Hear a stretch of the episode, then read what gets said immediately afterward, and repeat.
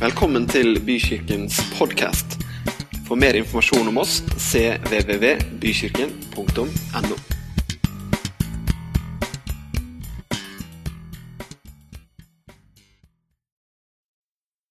Dere, vi skal eh, gå rett inn i et bibelvers som eh, står i Johannes 14. Og dere får det på veggen der. Jeg skal snakke i dag om eh, det som jeg har kalt kraft i livet. Jeg tror vi alle fra tid til annen kan eh, oppleve at vi eh, beveger oss liksom på feil side av energiskalaen. Noen som kjenner seg igjen? Nei, kom igjen da, folkens. Vi snakker litt sammen nå. Ja, Noen som kjenner seg igjen? At oi, nå, har jeg liksom, nå, er jeg liksom, nå, nå er det ganske tomt. Ja, så bra. Ikke så bra at det er tomt, men så bra at du er her og, og faktisk våger å si noe om det. Jeg har, eh, jeg har jo hatt en sånn økt i livet nå som jeg ikke anbefaler noen. Det heter flytting. Lenge siden jeg har vært så fysisk sliten som nå. Hvis du ser nøye etter, så ser du at jeg heller aldri hatt lengre armer enn det jeg har akkurat nå. Kan ikke anbefales som en øvelse, men det er noen ganger sånn at eh, livets prøvelser gjør at vi kommer sterkere og tynnere ut på andre siden. Så ta med meg de bonus. Det var noen det ble veldig godt for, vet du. Så bra. Men kraft i livet Jesus sier, 'Hvis dere elsker meg, så gjør det som er etter min vilje.' Jeg vil be til Gud om at han skal sende dere Den hellige ånd for å være sammen med dere til evig tid. Han er sannhetens ånd.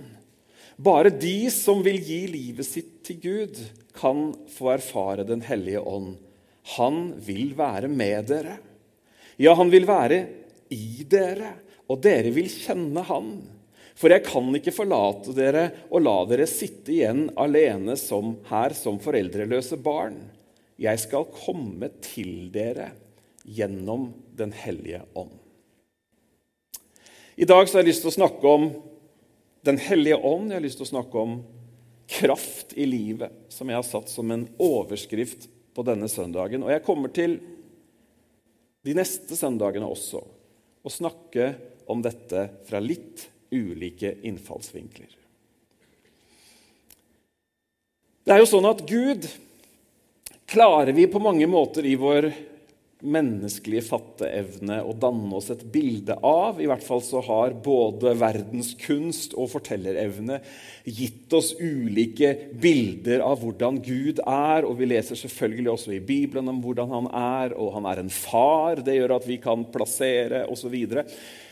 Jesus er også en sånn person som er så utrolig grundig historisk dokumentert at han også vet vi veldig mye om. Men når det gjelder Den hellige ånd, som vi ofte kaller den tredje personen i guddommen eller i treenigheten, så er det litt eh, mer rom for tolkninger, kan man vel si. Eller bare det at han blir kalt en ånd, gjør jo at vi i vår del av verden har vanskeligere egentlig for å liksom få litt grep om, om Den hellige ånd. Altså, hva er det hva, Eller hvem er han? er et bra spørsmål. Hvor er han? Hva gjør han? Og hva har det egentlig med deg og meg å gjøre?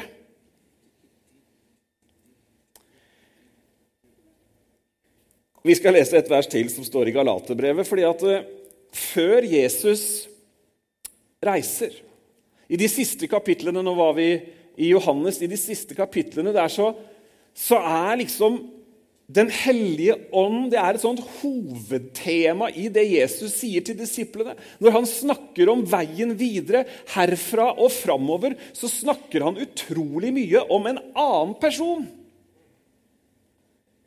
Og Det er veldig interessant, fordi, altså ikke interessant bare fordi det er, det er interessant bare som en historie, men det er utrolig interessant, og det er superrelevant. Fordi at vi er nemlig i samme kategori som disiplene som var sammen med Jesus, og som så han forsvinne. Vi er jo direkte etterfølgere av dem. Vi er Herrens disipler. Hvis ikke du har det på visittkortet ditt, så kan du vurdere om du skal ha disippel ved siden av CEO eller hva annet du måtte smykke navnet ditt med. Men vi er, vi er, etterfølgere. Og Jesus han bruker utrolig mye tid. Og egentlig så er, og som vi skal se på litt i dag, så var det ikke noe Jesus fant på. Men Paulus han går videre og snakker om dette her, for det er tydelig at det er et scenario i våre liv som kristne som handler om at vi kan prøve å gjøre troen sånn all by ourselves. Og så kan vi prøve å gjøre troen helt og holdent ved at det er han som er drivkraften. For å si det sånn, Den ene måten er ganske tørr å jobbe i. Det er ganske slitsomt. Og hør her dette er, ikke, dette er ikke det er ikke jeg som sier dette, men det, det er faktisk Paulus. Han er ganske rett på med noen troende. Dette er virkelig uklokt av dere galatere. Det er godt ikke vi begynner hver søndag sånn. Men her får menigheten rett og slett klar. Dette er virkelig uklokt av dere galatere. Hvem har forhekset dere, slik at dere ikke kan holde fast på sannheten? Altså Her allerede så ser vi det at det finnes noe i oss mennesker som gjør at vi kan være i kontakt med sannheten, og så kan vi komme litt på avstand fra sannheten. Ikke sant? Vi, vi er påvirkelige. Dere har jo selv tydelig sett betydningen av at Jesus ble korsfestet. Det er det alt dreier seg om. Hvordan gikk det forresten til at dere fikk oppleve Guds ånd? Fikk dere ånden som et resultat av at dere hadde lyktes i å holde hele Moseloven og alle de religiøse budene? Eller fikk dere ånden som et resultat av forkynnelse og tro? Dere er vel ikke så dumme at dere velger å slite dere gjennom livet ved bruk av deres egne krefter? Etter at dere har opplevd hvilken enorm hjelp det finnes i Åndens kraft? Har dere erfart så mye forgjeves? Nei, jeg nekter å tro at det har vært forgjeves. Han som ga dere ånden, er fortsatt hos dere med sin enorme kraft. Er han hos dere fordi dere er så religiøse og lydige, eller fordi dere tror på ham?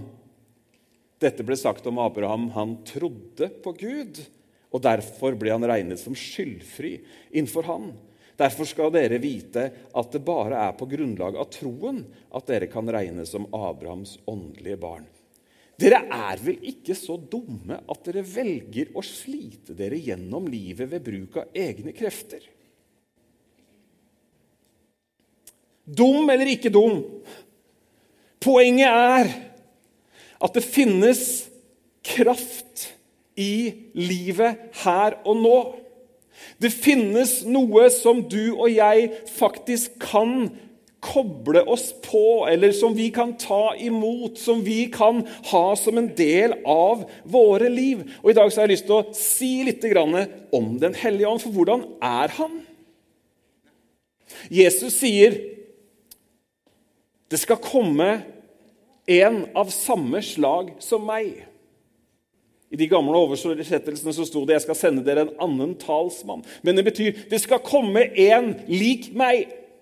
Det skal altså komme en når jeg forsvinner, så skal det komme en som er lik meg, og så er det en hel del ting han skal gjøre. Og Du kan jo bare stille deg selv det spørsmålet hvordan hadde det vært hvis Jesus hadde vært her? Jo, men helt seriøst Dette er ikke sånn altså, Hvordan hadde livet mitt vært hvis Jesus var en person i livet mitt? Hvordan hadde det vært? Ja, Hvis du har lyst til å slenge ut et ord, så er det lov akkurat nå. Første ordet jeg tenker på, er 'fantastisk'. Altså, I alt det vi står i, i det ene og det andre Hvordan hadde det vært å ha Gudesønnen liksom på stolen ved siden? Ja, men jeg bare Og ikke sitt nå og tenk at ja, men alt dette her har jeg hørt før. Nei, du har ikke det, skjønner du. Ikke i det hele tatt. Hvordan hadde det vært? Ok, La meg stille et spørsmål som du kan nikke på eller si ja. da. Hadde det vært vanskeligere å leve livet? Nei, Da blir jo neste spørsmål nesten dumt. Hadde det vært lettere?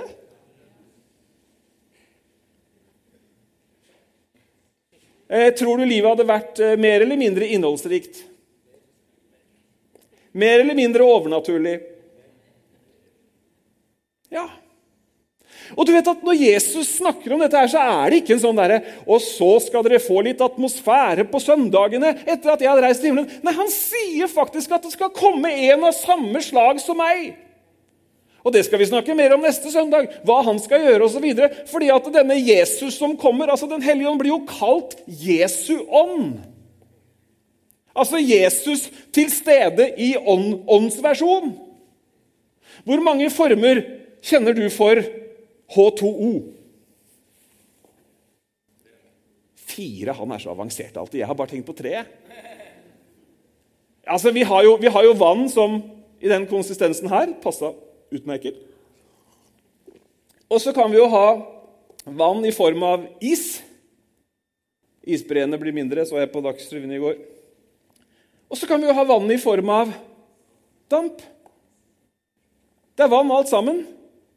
Det er ikke noe mindre på en måte vann, selv om det er damp. Det er bare en annen form. Den hellige ånd er ikke noe mindre enn Jesus. Hallo! Han er Gud! Og det som er interessant, er jo ikke for deg og meg å vite at det finnes noe som heter Den hellige ånd. Noen av oss som er i pinsebevegelsen, vi har jo vært så begrensa at vi trodde at det var noe vi fant på på begynnelsen av 1900-tallet. Og liksom det er vi som har patent på Den hellige ånd. Så hvis du skal få noe med den ånden å gjøre, så er det bare å bli medlem her. Ånden er som Jesus, fullstendig uten grenser. Det finnes katolikker, og det finnes gresk-ortodokse, og det finnes egentlig veldig mange rare troende etiketter som alle opplever Den hellige ånd. For du skjønner at han har vært der absolutt hele tiden. Og det, det, budskapet som jeg har lyst til å liksom få litt inn i deg, at du, har, at du, kanskje begynner å tenke på at kanskje det vekkes en lengsel, det er nemlig det at han er akkurat like levende nå som det han var på den første siden i Moseboka, hvor det står at Guds ånd svevde over vannene. Hørte du hva jeg sa? Han er eksakt like levende. Ja da, det finnes en og annen teolog som prøver å, å, å, fortelle at Den hellige ånds tid er over. Da sier jeg ta på deg brillene, gå på Internett, kjøp deg noen flybilletter. Sjekk ut hvordan Kirken bare vokser på verdensbasis. Hvordan mennesker opplever Gud. Så det koster etter! Han var der i Det gamle testamentet. Han var der Gud i en annen form, svevende over vannet. Hva var han i stand til? Jo, han skapte orden av kaos. Land ble skilt fra vann. Han var der når menneskene ble skapt. For hva står det? Jo, Gud formet mennesket av, av leire eller jord. Men så blåste han Guds ånd. Han blåste livet inn i menneskene, sånn at de lever. Er du, er du ikke glad for at noen har blåst ditt liv inn i deg? Så det hadde ikke vært for det, så hadde jo dette her vært en kirkegård dette her akkurat nå. Det er jo noen som syns at det ligner veldig en kirke en søndag morgen og en formiddag. Noen syns det er likt på innsiden og utsiden. Men du skjønner at det Den hellige ånd gjorde da med skapningen, det har han fortsatt å gjøre siden. Så fortsatt i dag så er det mennesker som får oppleve Guds guddommelige liv liksom intravenøst. Menigheter som liksom har vært avskrevet og totalt nedstøvet. Så springer det fram et nytt liv. Og du skjønner det, I Det gamle testamentet så ser vi det at det var, det var tre sånne hovedroller, hva skal man si, hovedpersoner, som Guds ånd ofte kom over. Dette her er barnelærdom for noe. Men profetene selvfølgelig, de hadde jo Den hellige ånd over livene sine. Litt sånn stykkevis og delt, må man vel kanskje si, for de hadde jo noen hundre år innimellom hvor vi hørte veldig lite. Så, men, men profetene var salvet. Kongene var salvet. Da i en sånn synlig eh, fysisk greie med at det ble salvet med en spesiell olje. Så kongene og profetene og prestene var også salvet i Det gamle testamentet. Og vi ser i Det gamle testamentet at fra tid til annen så dukker han opp og gjør noe. Husker dere f.eks. Eh, Besalel? Jeg tok den vanskeligste først. ok, vi begynner i andre enden av lista. Husker dere Samson? Ja, Samson husker dere. Store, sterke Samson. Jeg elska de der tegnefilmene med Samson da jeg var liten. For var liksom, han var jo 100 ganger større enn alle andre. Men hva var det som skjedde med Samson? Guds ånd kom over Samson. Og selv etter at han hadde falt moralsk, han hadde gjort det gale, han var i fangenskap, så står det at Guds ånd kom over Samson. Den hellige ånd kom over han, og så sprengtes repene som om det skulle være brente bomullstråder. Og så gjorde han en stor seier for Guds rike, midt i sin tilkortkommenhet, må man vel kanskje si. Og det kan jo du og jeg ta med oss som et oppmuntringens ord også, at midt i tilkortkommenheten så kom Guds ånd med sitt liv, med sin kraft og sin styrke. Og fortsatt i dag, kjære deg, så er det sånn at når Guds ånd får slippe til i livene våre, til tross for svakheter, så kommer han med sin styrke. Min kraft fullendes, sier Gud, i dine skrøpeligheter. En annen som heller ikke akkurat kunne skryte veldig, men som i Gamle Testamentet fikk oppleve Den hellige ånd, var Gideon. Gideon fikk et stort oppdrag om å være en leder, men det var veldig vanskelig å forstå det ut fra hodet. For Gideon var liksom, han var av den familien som ikke akkurat produserte ledere. Det var ikke noen direktørtitler som gikk i arv. Nei, det var liksom den minste slekta. Han var den minste av den minste i den minste slekta. Så han hadde et lite problem. Men så står det at Guds ånd kom over Gideon. Og så ble han brukt, så var han en leder. Og så leser vi også om Besalel, da, som eh, dere ikke visste hvem var. Det er noen andre som har noen lignende navn. Det er Belsazar og Besalel og alle mulige. Men denne jeg snakka om her, det var en kunstner. Det står om han i eh, skal vi se, Det er altså i andre Mosebok. Ting skal utsmykkes så står det at det var mange talentfulle, og du kan, være, du kan være en fantastisk kunstner, men min påstand er at når Guds ånd fyller deg, så vil evnene overgå det vanlige menneskelige, kunstneriske til og med. Og han ble fylt av Guds ånd for å utføre den jobben. Hm. Men så skjer det noe i Det gamle testamentet, og det er jo da selvfølgelig en av profetene som ved Guds ånd begynner å snakke om Den hellige ånd, begynner å snakke. Det gamle testamentet er full av frampek. Det er full av løfter. Det gamle testamentet peker hele veien i bok for bok fram på et skikkelig paradigme. Profetene, f.eks. profeten Jeremia. Det tror jeg kanskje dere også skal få se sammen med meg der, ja. Dager kommer, sier Herren ved profeten Jeremia. Nå må vi huske, Dette er før Jesu fødsel. Du vet det, Gammeltestamentet er før Jesu fødsel. Ja, Nei, men Det er fint å ha litt basics noen ganger. Det er fort å glemme. Dette er i Gammeltestamentet. Profeten Jeremia sier, 'Dager kommer', sier Herren, 'da jeg skal inngå en ny avtale med Israels folk og folket i Juda.' Den skal ikke være lik den avtalen jeg inngikk med forfedrene deres den dagen jeg tok dem i hånden for å lede dem ut av Egypt. De brøt avtalen jeg hadde med dem, selv om jeg skulle være ektemannen deres. Fiksa det ikke, vet du. Loven, de ti bud, forskriftene hadde ikke kjangs. De brøyt det gang på gang. Men den nye avtalen, sier Gud, men den nye avtalen skal jeg legge pakt, hvis du vil ha det gamle ordet, skal jeg legge i deres indre og skrive den på hjertet deres. Min lov skal være der, og jeg skal være deres Gud, og de mitt folk. Da skal de ikke lenger trenge å fortelle andre om hvem jeg er, for da skal de alle kjenne meg, fra den minste til den største. Jeg skal tilgi syndene deres og ikke lenger huske på alt det gale de har gjort. Den store forskjellen, det som Jesus snakker om Og vi er så heldige dere, for at vi lever i, under den nye avtalen. Vi er så heldige som lever under den nye avtalen.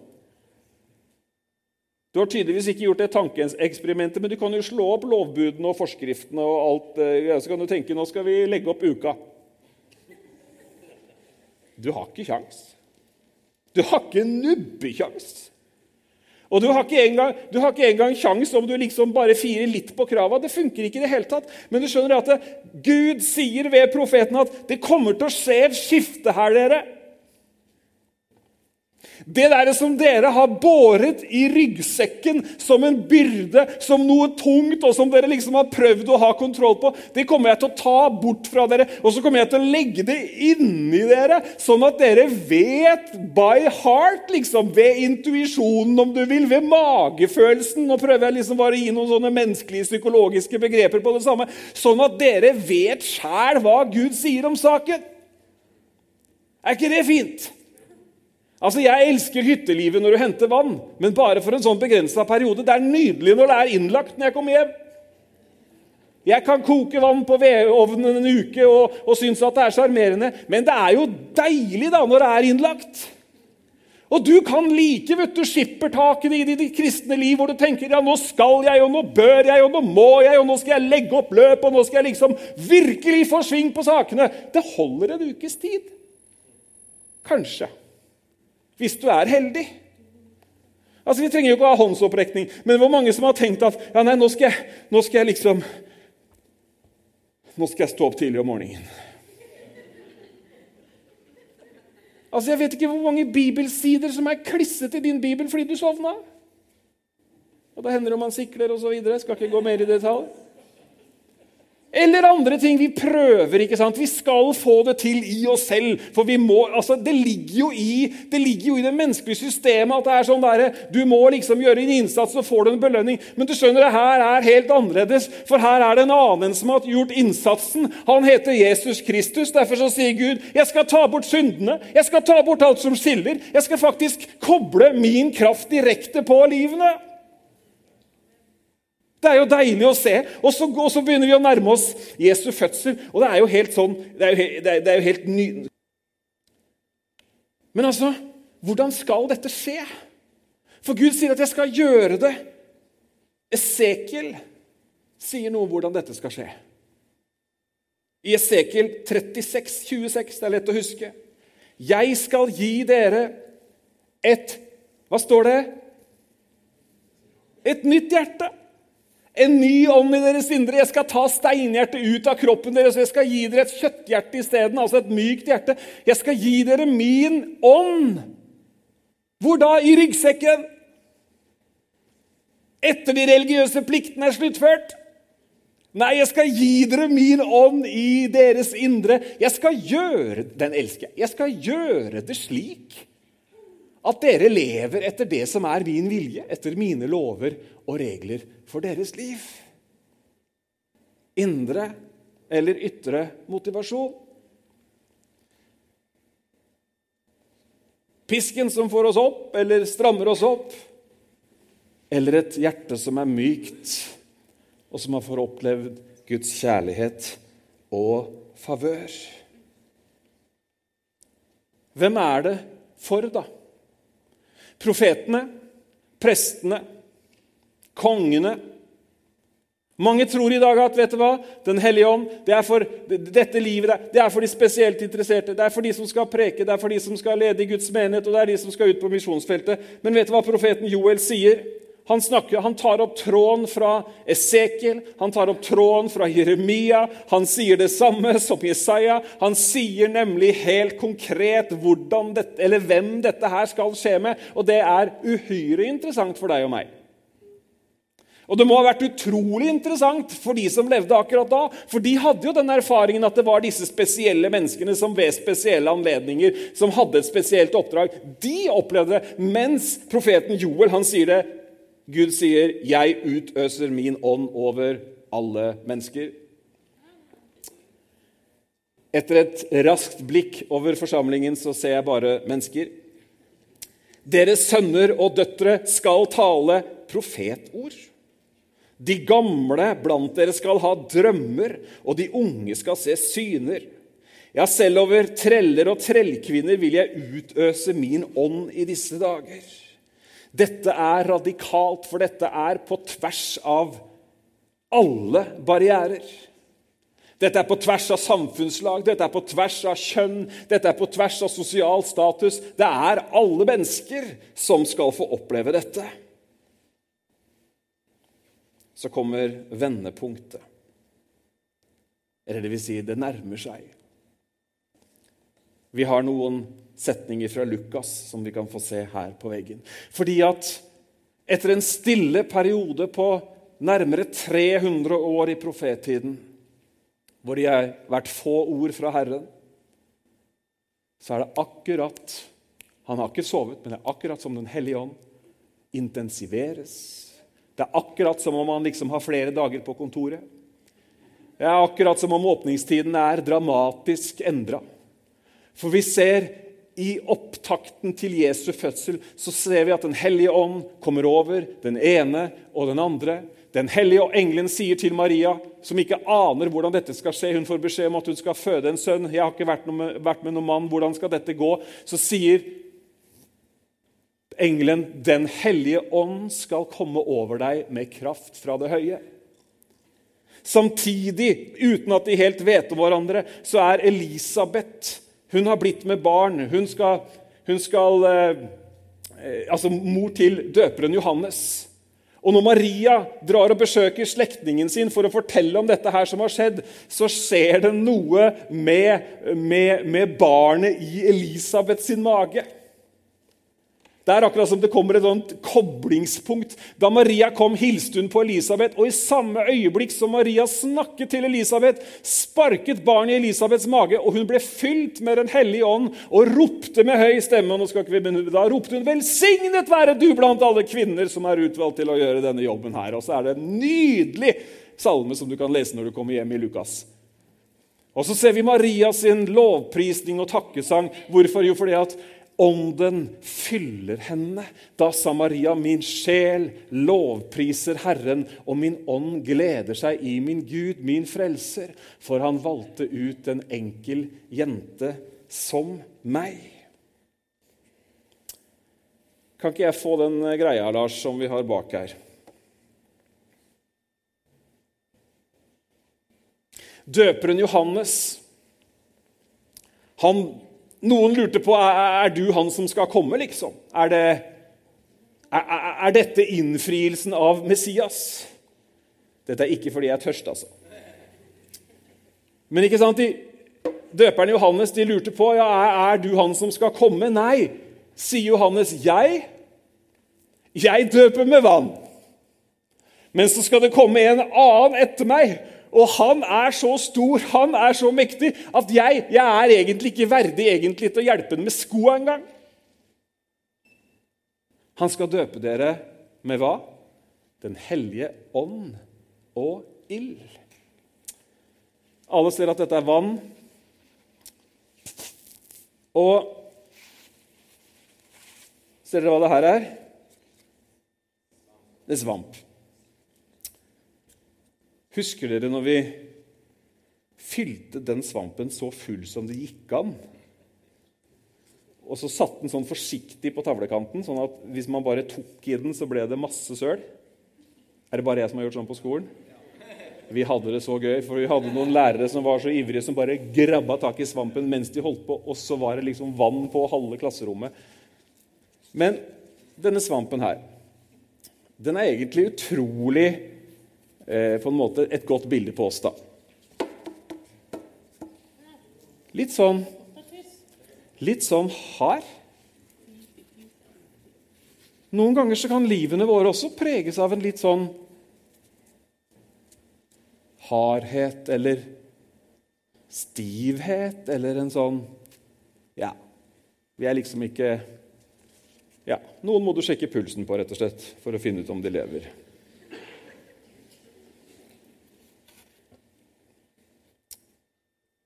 Og På mange måter så kan den der hardheten kanskje her og nå da liksom minne litt om hvordan vi av og til, fordi vi skal klare alt sjøl, det er det det handler om, nettopp er litt sånn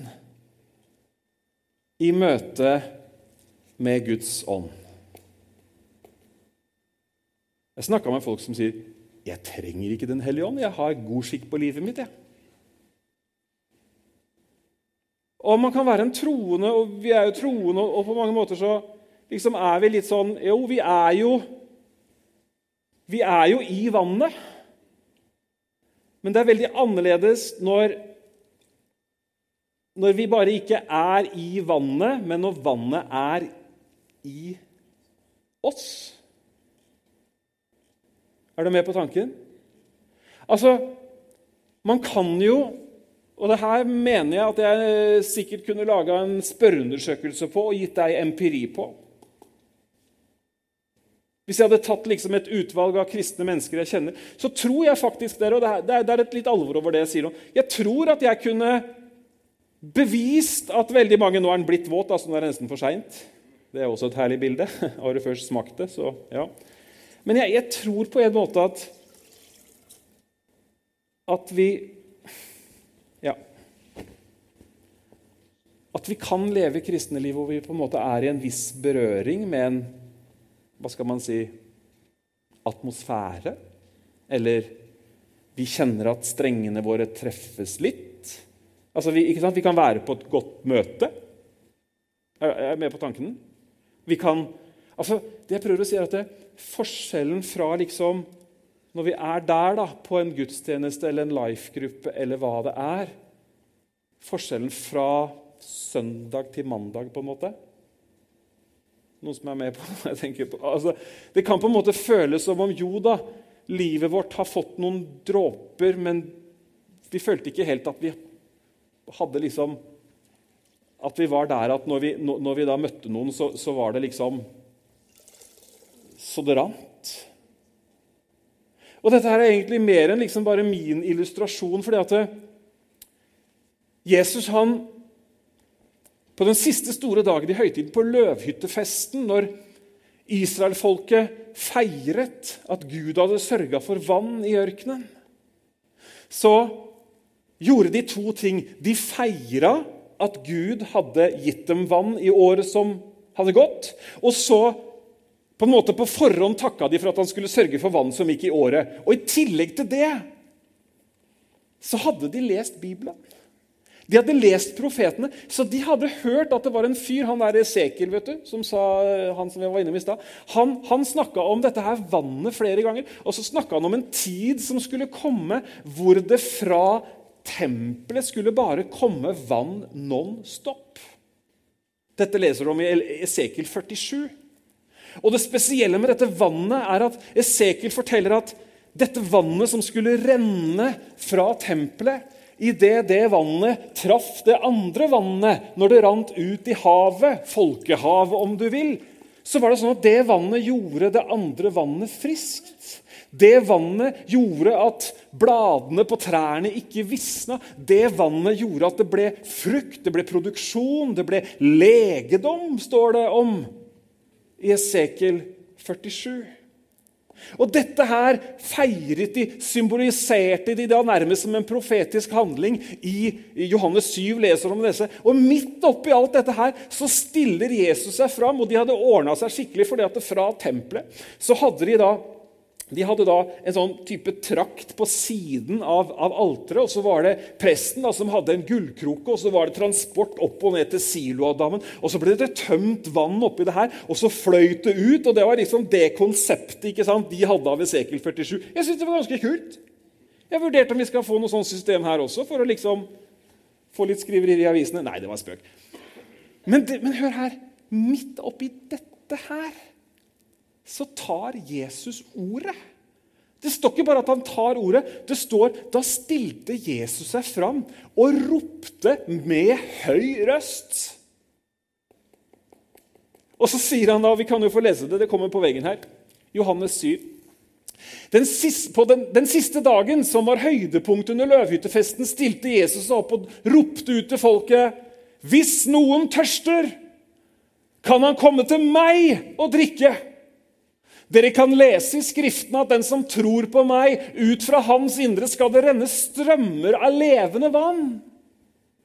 Dette sa han om Den hellige ånd som skulle bli gitt til dem som trodde på han. Den hellige ånd var ennå ikke gitt til menneskene, for det kunne ikke skje før Jesus var tilbake i sin himmelske herlighet. Jødene trodde at det var i tempelet det skulle skje. De trodde at dette som var snakk om, skulle skje i en eller annen religiøs formasjon. Så sier Jesus at nei, det er en person. Det er en person dette skal flyte fra.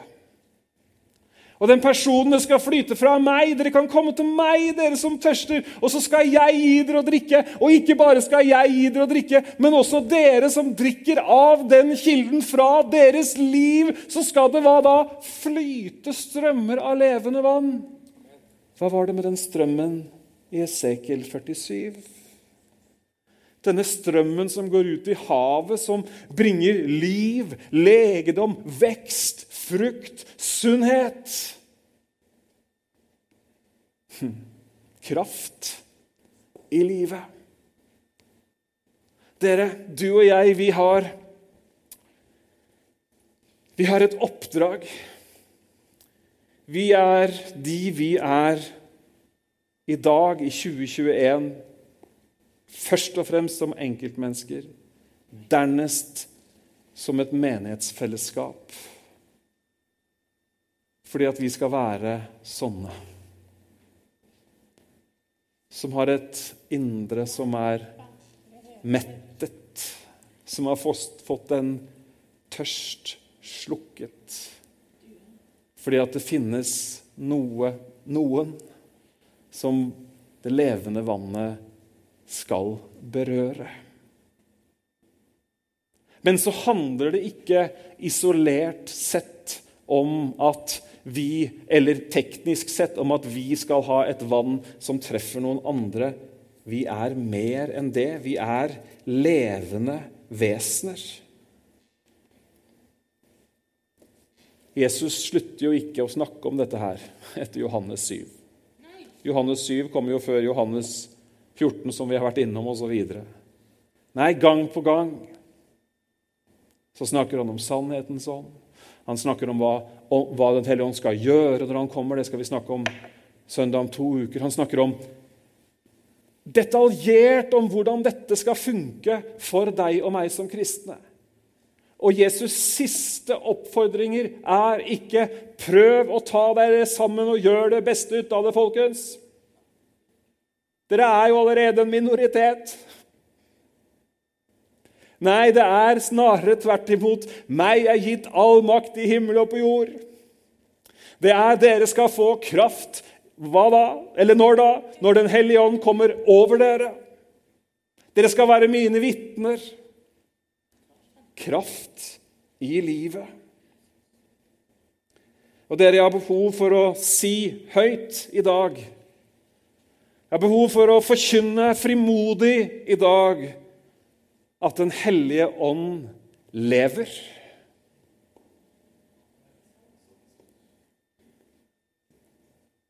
At han ikke har pakka sammen, at ikke åndens tidsalder er over. Nei, vi lever, tids, vi lever i denne tiden, vi lever i dette samfunnet fordi vi har et oppdrag. Og det løftet som profetene gang på gang nevnte, det er oppfylt. Faderens løfte kaller vi det ofte. Og det er ikke lenger sånn at det er for de få utvalgte. Det er for alle mennesker. Det er for deg, og det er for meg. Og så skjer det jo noe, da, med oss. Det skjer noe med disiplene. Vi, det, kanskje det fremste eksempelet som i hvert fall er lett for mange å huske, er jo denne overivrige disippelen Peter som sier til Jesus at om alle de andre stikker Jesus, så kan du være sikker på én ting jeg kommer aldri til å stikke. Så stikker han jo, på lik linje med de andre. Han fornekter Jesus tre ganger, akkurat som Jesus har sagt. Men så er det en annen Peter vi ser på pinsefestens dag. Når de har venta, når de har bedt, og etter at de har mottatt Faderens løfte så er det ikke lenger Fisker-Peter, temperamentsfull, det kan hende han var fortsatt. Men det er en kirkeleder som hever stemmen, og så sier han dere Det som skjer nå, det er det Joel snakka om. Det som skjer nå, det er det profeten har snakka om. Det som skjer nå, det er oppfyllelsen. Og så står det at han ut fra Bibelen, ut fra Gamle testamentet, forklarte hva det var som egentlig skulle skjedde. Eller, eller det som nå skjedde.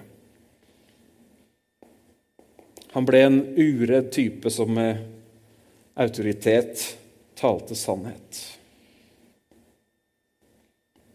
Og for oss, da, så er det sånn at Den hellige ånd den gjør at den som ikke tør, tør likevel. Det gjør at den som ikke, egentlig ikke tør, tør likevel. Man får mot til å leve med en synlig tro. En annen ting Den hellige ånd gjør, er at den som ikke kan, kan likevel.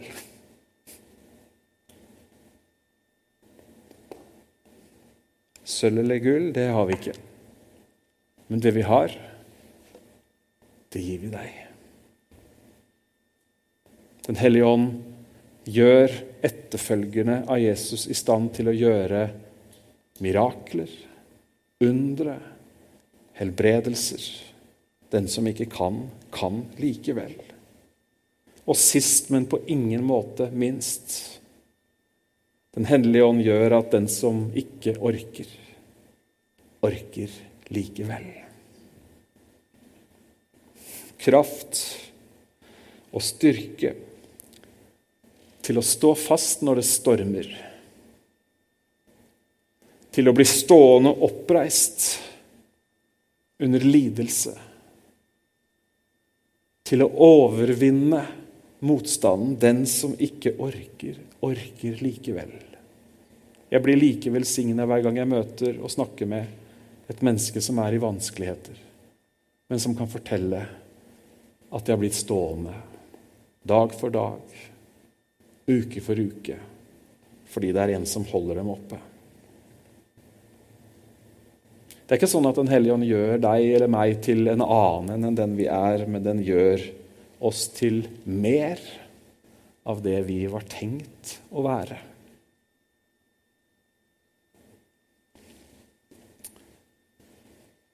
La oss be sammen.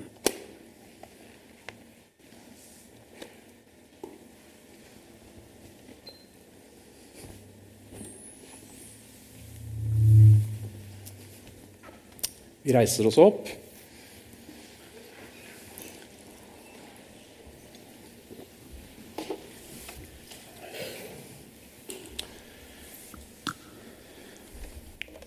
Jeg tror av hele mitt hjerte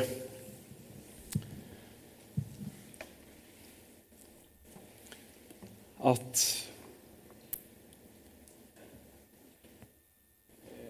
Selv om vi er i en del av verden som er velutviklet og velutrustet og rik på så mange ting,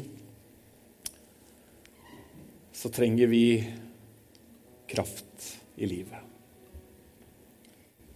Jeg trenger i alle fall kraft i livet. Jeg tror vi er mange som trenger kraft i livet. Og jeg har bare lyst til å invitere deg og dine i dag og i dagene som kommer, og i ukene som kommer. Til å grunne på noe av det vi har snakka om i dag. Finn fram Bibelen din eller en søkemotor og se på. Søk på Guds ånd. Les Johannes evangeliet. Les de første kapitlene i Apostelens gjerninger. den lengselen mange kan kjenne på. Og nå snakker jeg ikke om en lengsel etter et eller annet karismatisk fenomen. Hørte du hva jeg sa? Jeg snakker ikke om det. Jeg snakker om en lengsel etter å oppleve kraften i Gud. Oppleve at Guds rike manifesterer seg, blir bevist rundt oss. Fordi at det vannet, det treffer de rundt oss. Og det er så viktig for meg å understreke det som Joel sa, og som Peter gjentok. At han utøser sin ånd over alle mennesker. Hvis du tror på Jesus, så er det ingenting som diskvalifiserer deg fra å oppleve at du virkelig blir fylt av Den hellige ånd. Hørte hva jeg sa? Ingenting. Ingenting. Noen ganger så snakker man om det å bli fylt i Den hellige ånd som den andre velsignelse, the second blessing. Altså, man har jo tatt imot Jesus, og, og Guds ånd, den, den, den, den, er med når vi tar imot Jesus. Men så er det noe med den fylden som vi så tydelig ser i Jesus, eller i Bibelen. At, at man blir døpt i Den hellige ånd. At man ikke bare er i berøring med det, men at man blir som den svampen. Man blir, man blir helt oppfylt. Og dere, det skjer på ulike måter for ulike mennesker. Og jeg tror at i et rom som, i dag, rom som her i dag, så er vi Vi kan være på litt sånn ulike stasjoner i forhold til dette her. Noen er kanskje som galaterne, som en gang hadde opplevd noe, og som hadde vendt litt tilbake til et eller annet system og stolte mer på, på, på, på religiøse tradisjoner men kjenner det egentlig. Andre har kanskje aldri egentlig opplevd Guds kraft på den måten. Viktig er at du er der hvor du er. Og så er vi som denne svampen noen ganger, da. Det er litt sånn motstand i oss. Vi vil ha ting på vår måte. Og du skal få lov til å ha ting på din måte. Jeg har bare lyst til å anbefale og invitere deg til å åpne hjertet ditt for Gud. Noen ganger så blir det litt trang plass, men han vil mer. Han ønsker at det er flere som skal komme i berøring med våte svamper. Er, det, er, umulig vet, å flytte på en våt svamp eller være borti den uten å bli våt. Helt umulig. Så skal vi snakke videre om dette her, som sagt. Og så gjør vi sånn som vi pleier å gjøre nå i avslutningen av gudstjenesten. Vi bevarer roen her inne. Vi skal lovsynge. Det er mulig å komme bort her og slå en prat eller bli bedt for. Ta tiden nå, og la tiden nå være startpunktet på de nærmeste dagene og ukene for deg. Høres ikke det fint ut? Vi ber sammen. Herre, takk for ditt løfte. Så glad, Herre, for at ditt løfte ikke var tomme ord, men takk at det var liv. Det var kraft. Kraften som forandrer alt. Herre, jeg ber om en fornyelse for noen. En ny opplevelse for andre. Herre, må det bli sånn at det virkelig flyter fra livene våre akkurat sånn som du har tenkt. det. Velsigner ditt navn. Takker deg for ditt ord. Takker deg for fellesskapet. Takk for vandringen, takk for liv og tjeneste som du har for hver eneste en.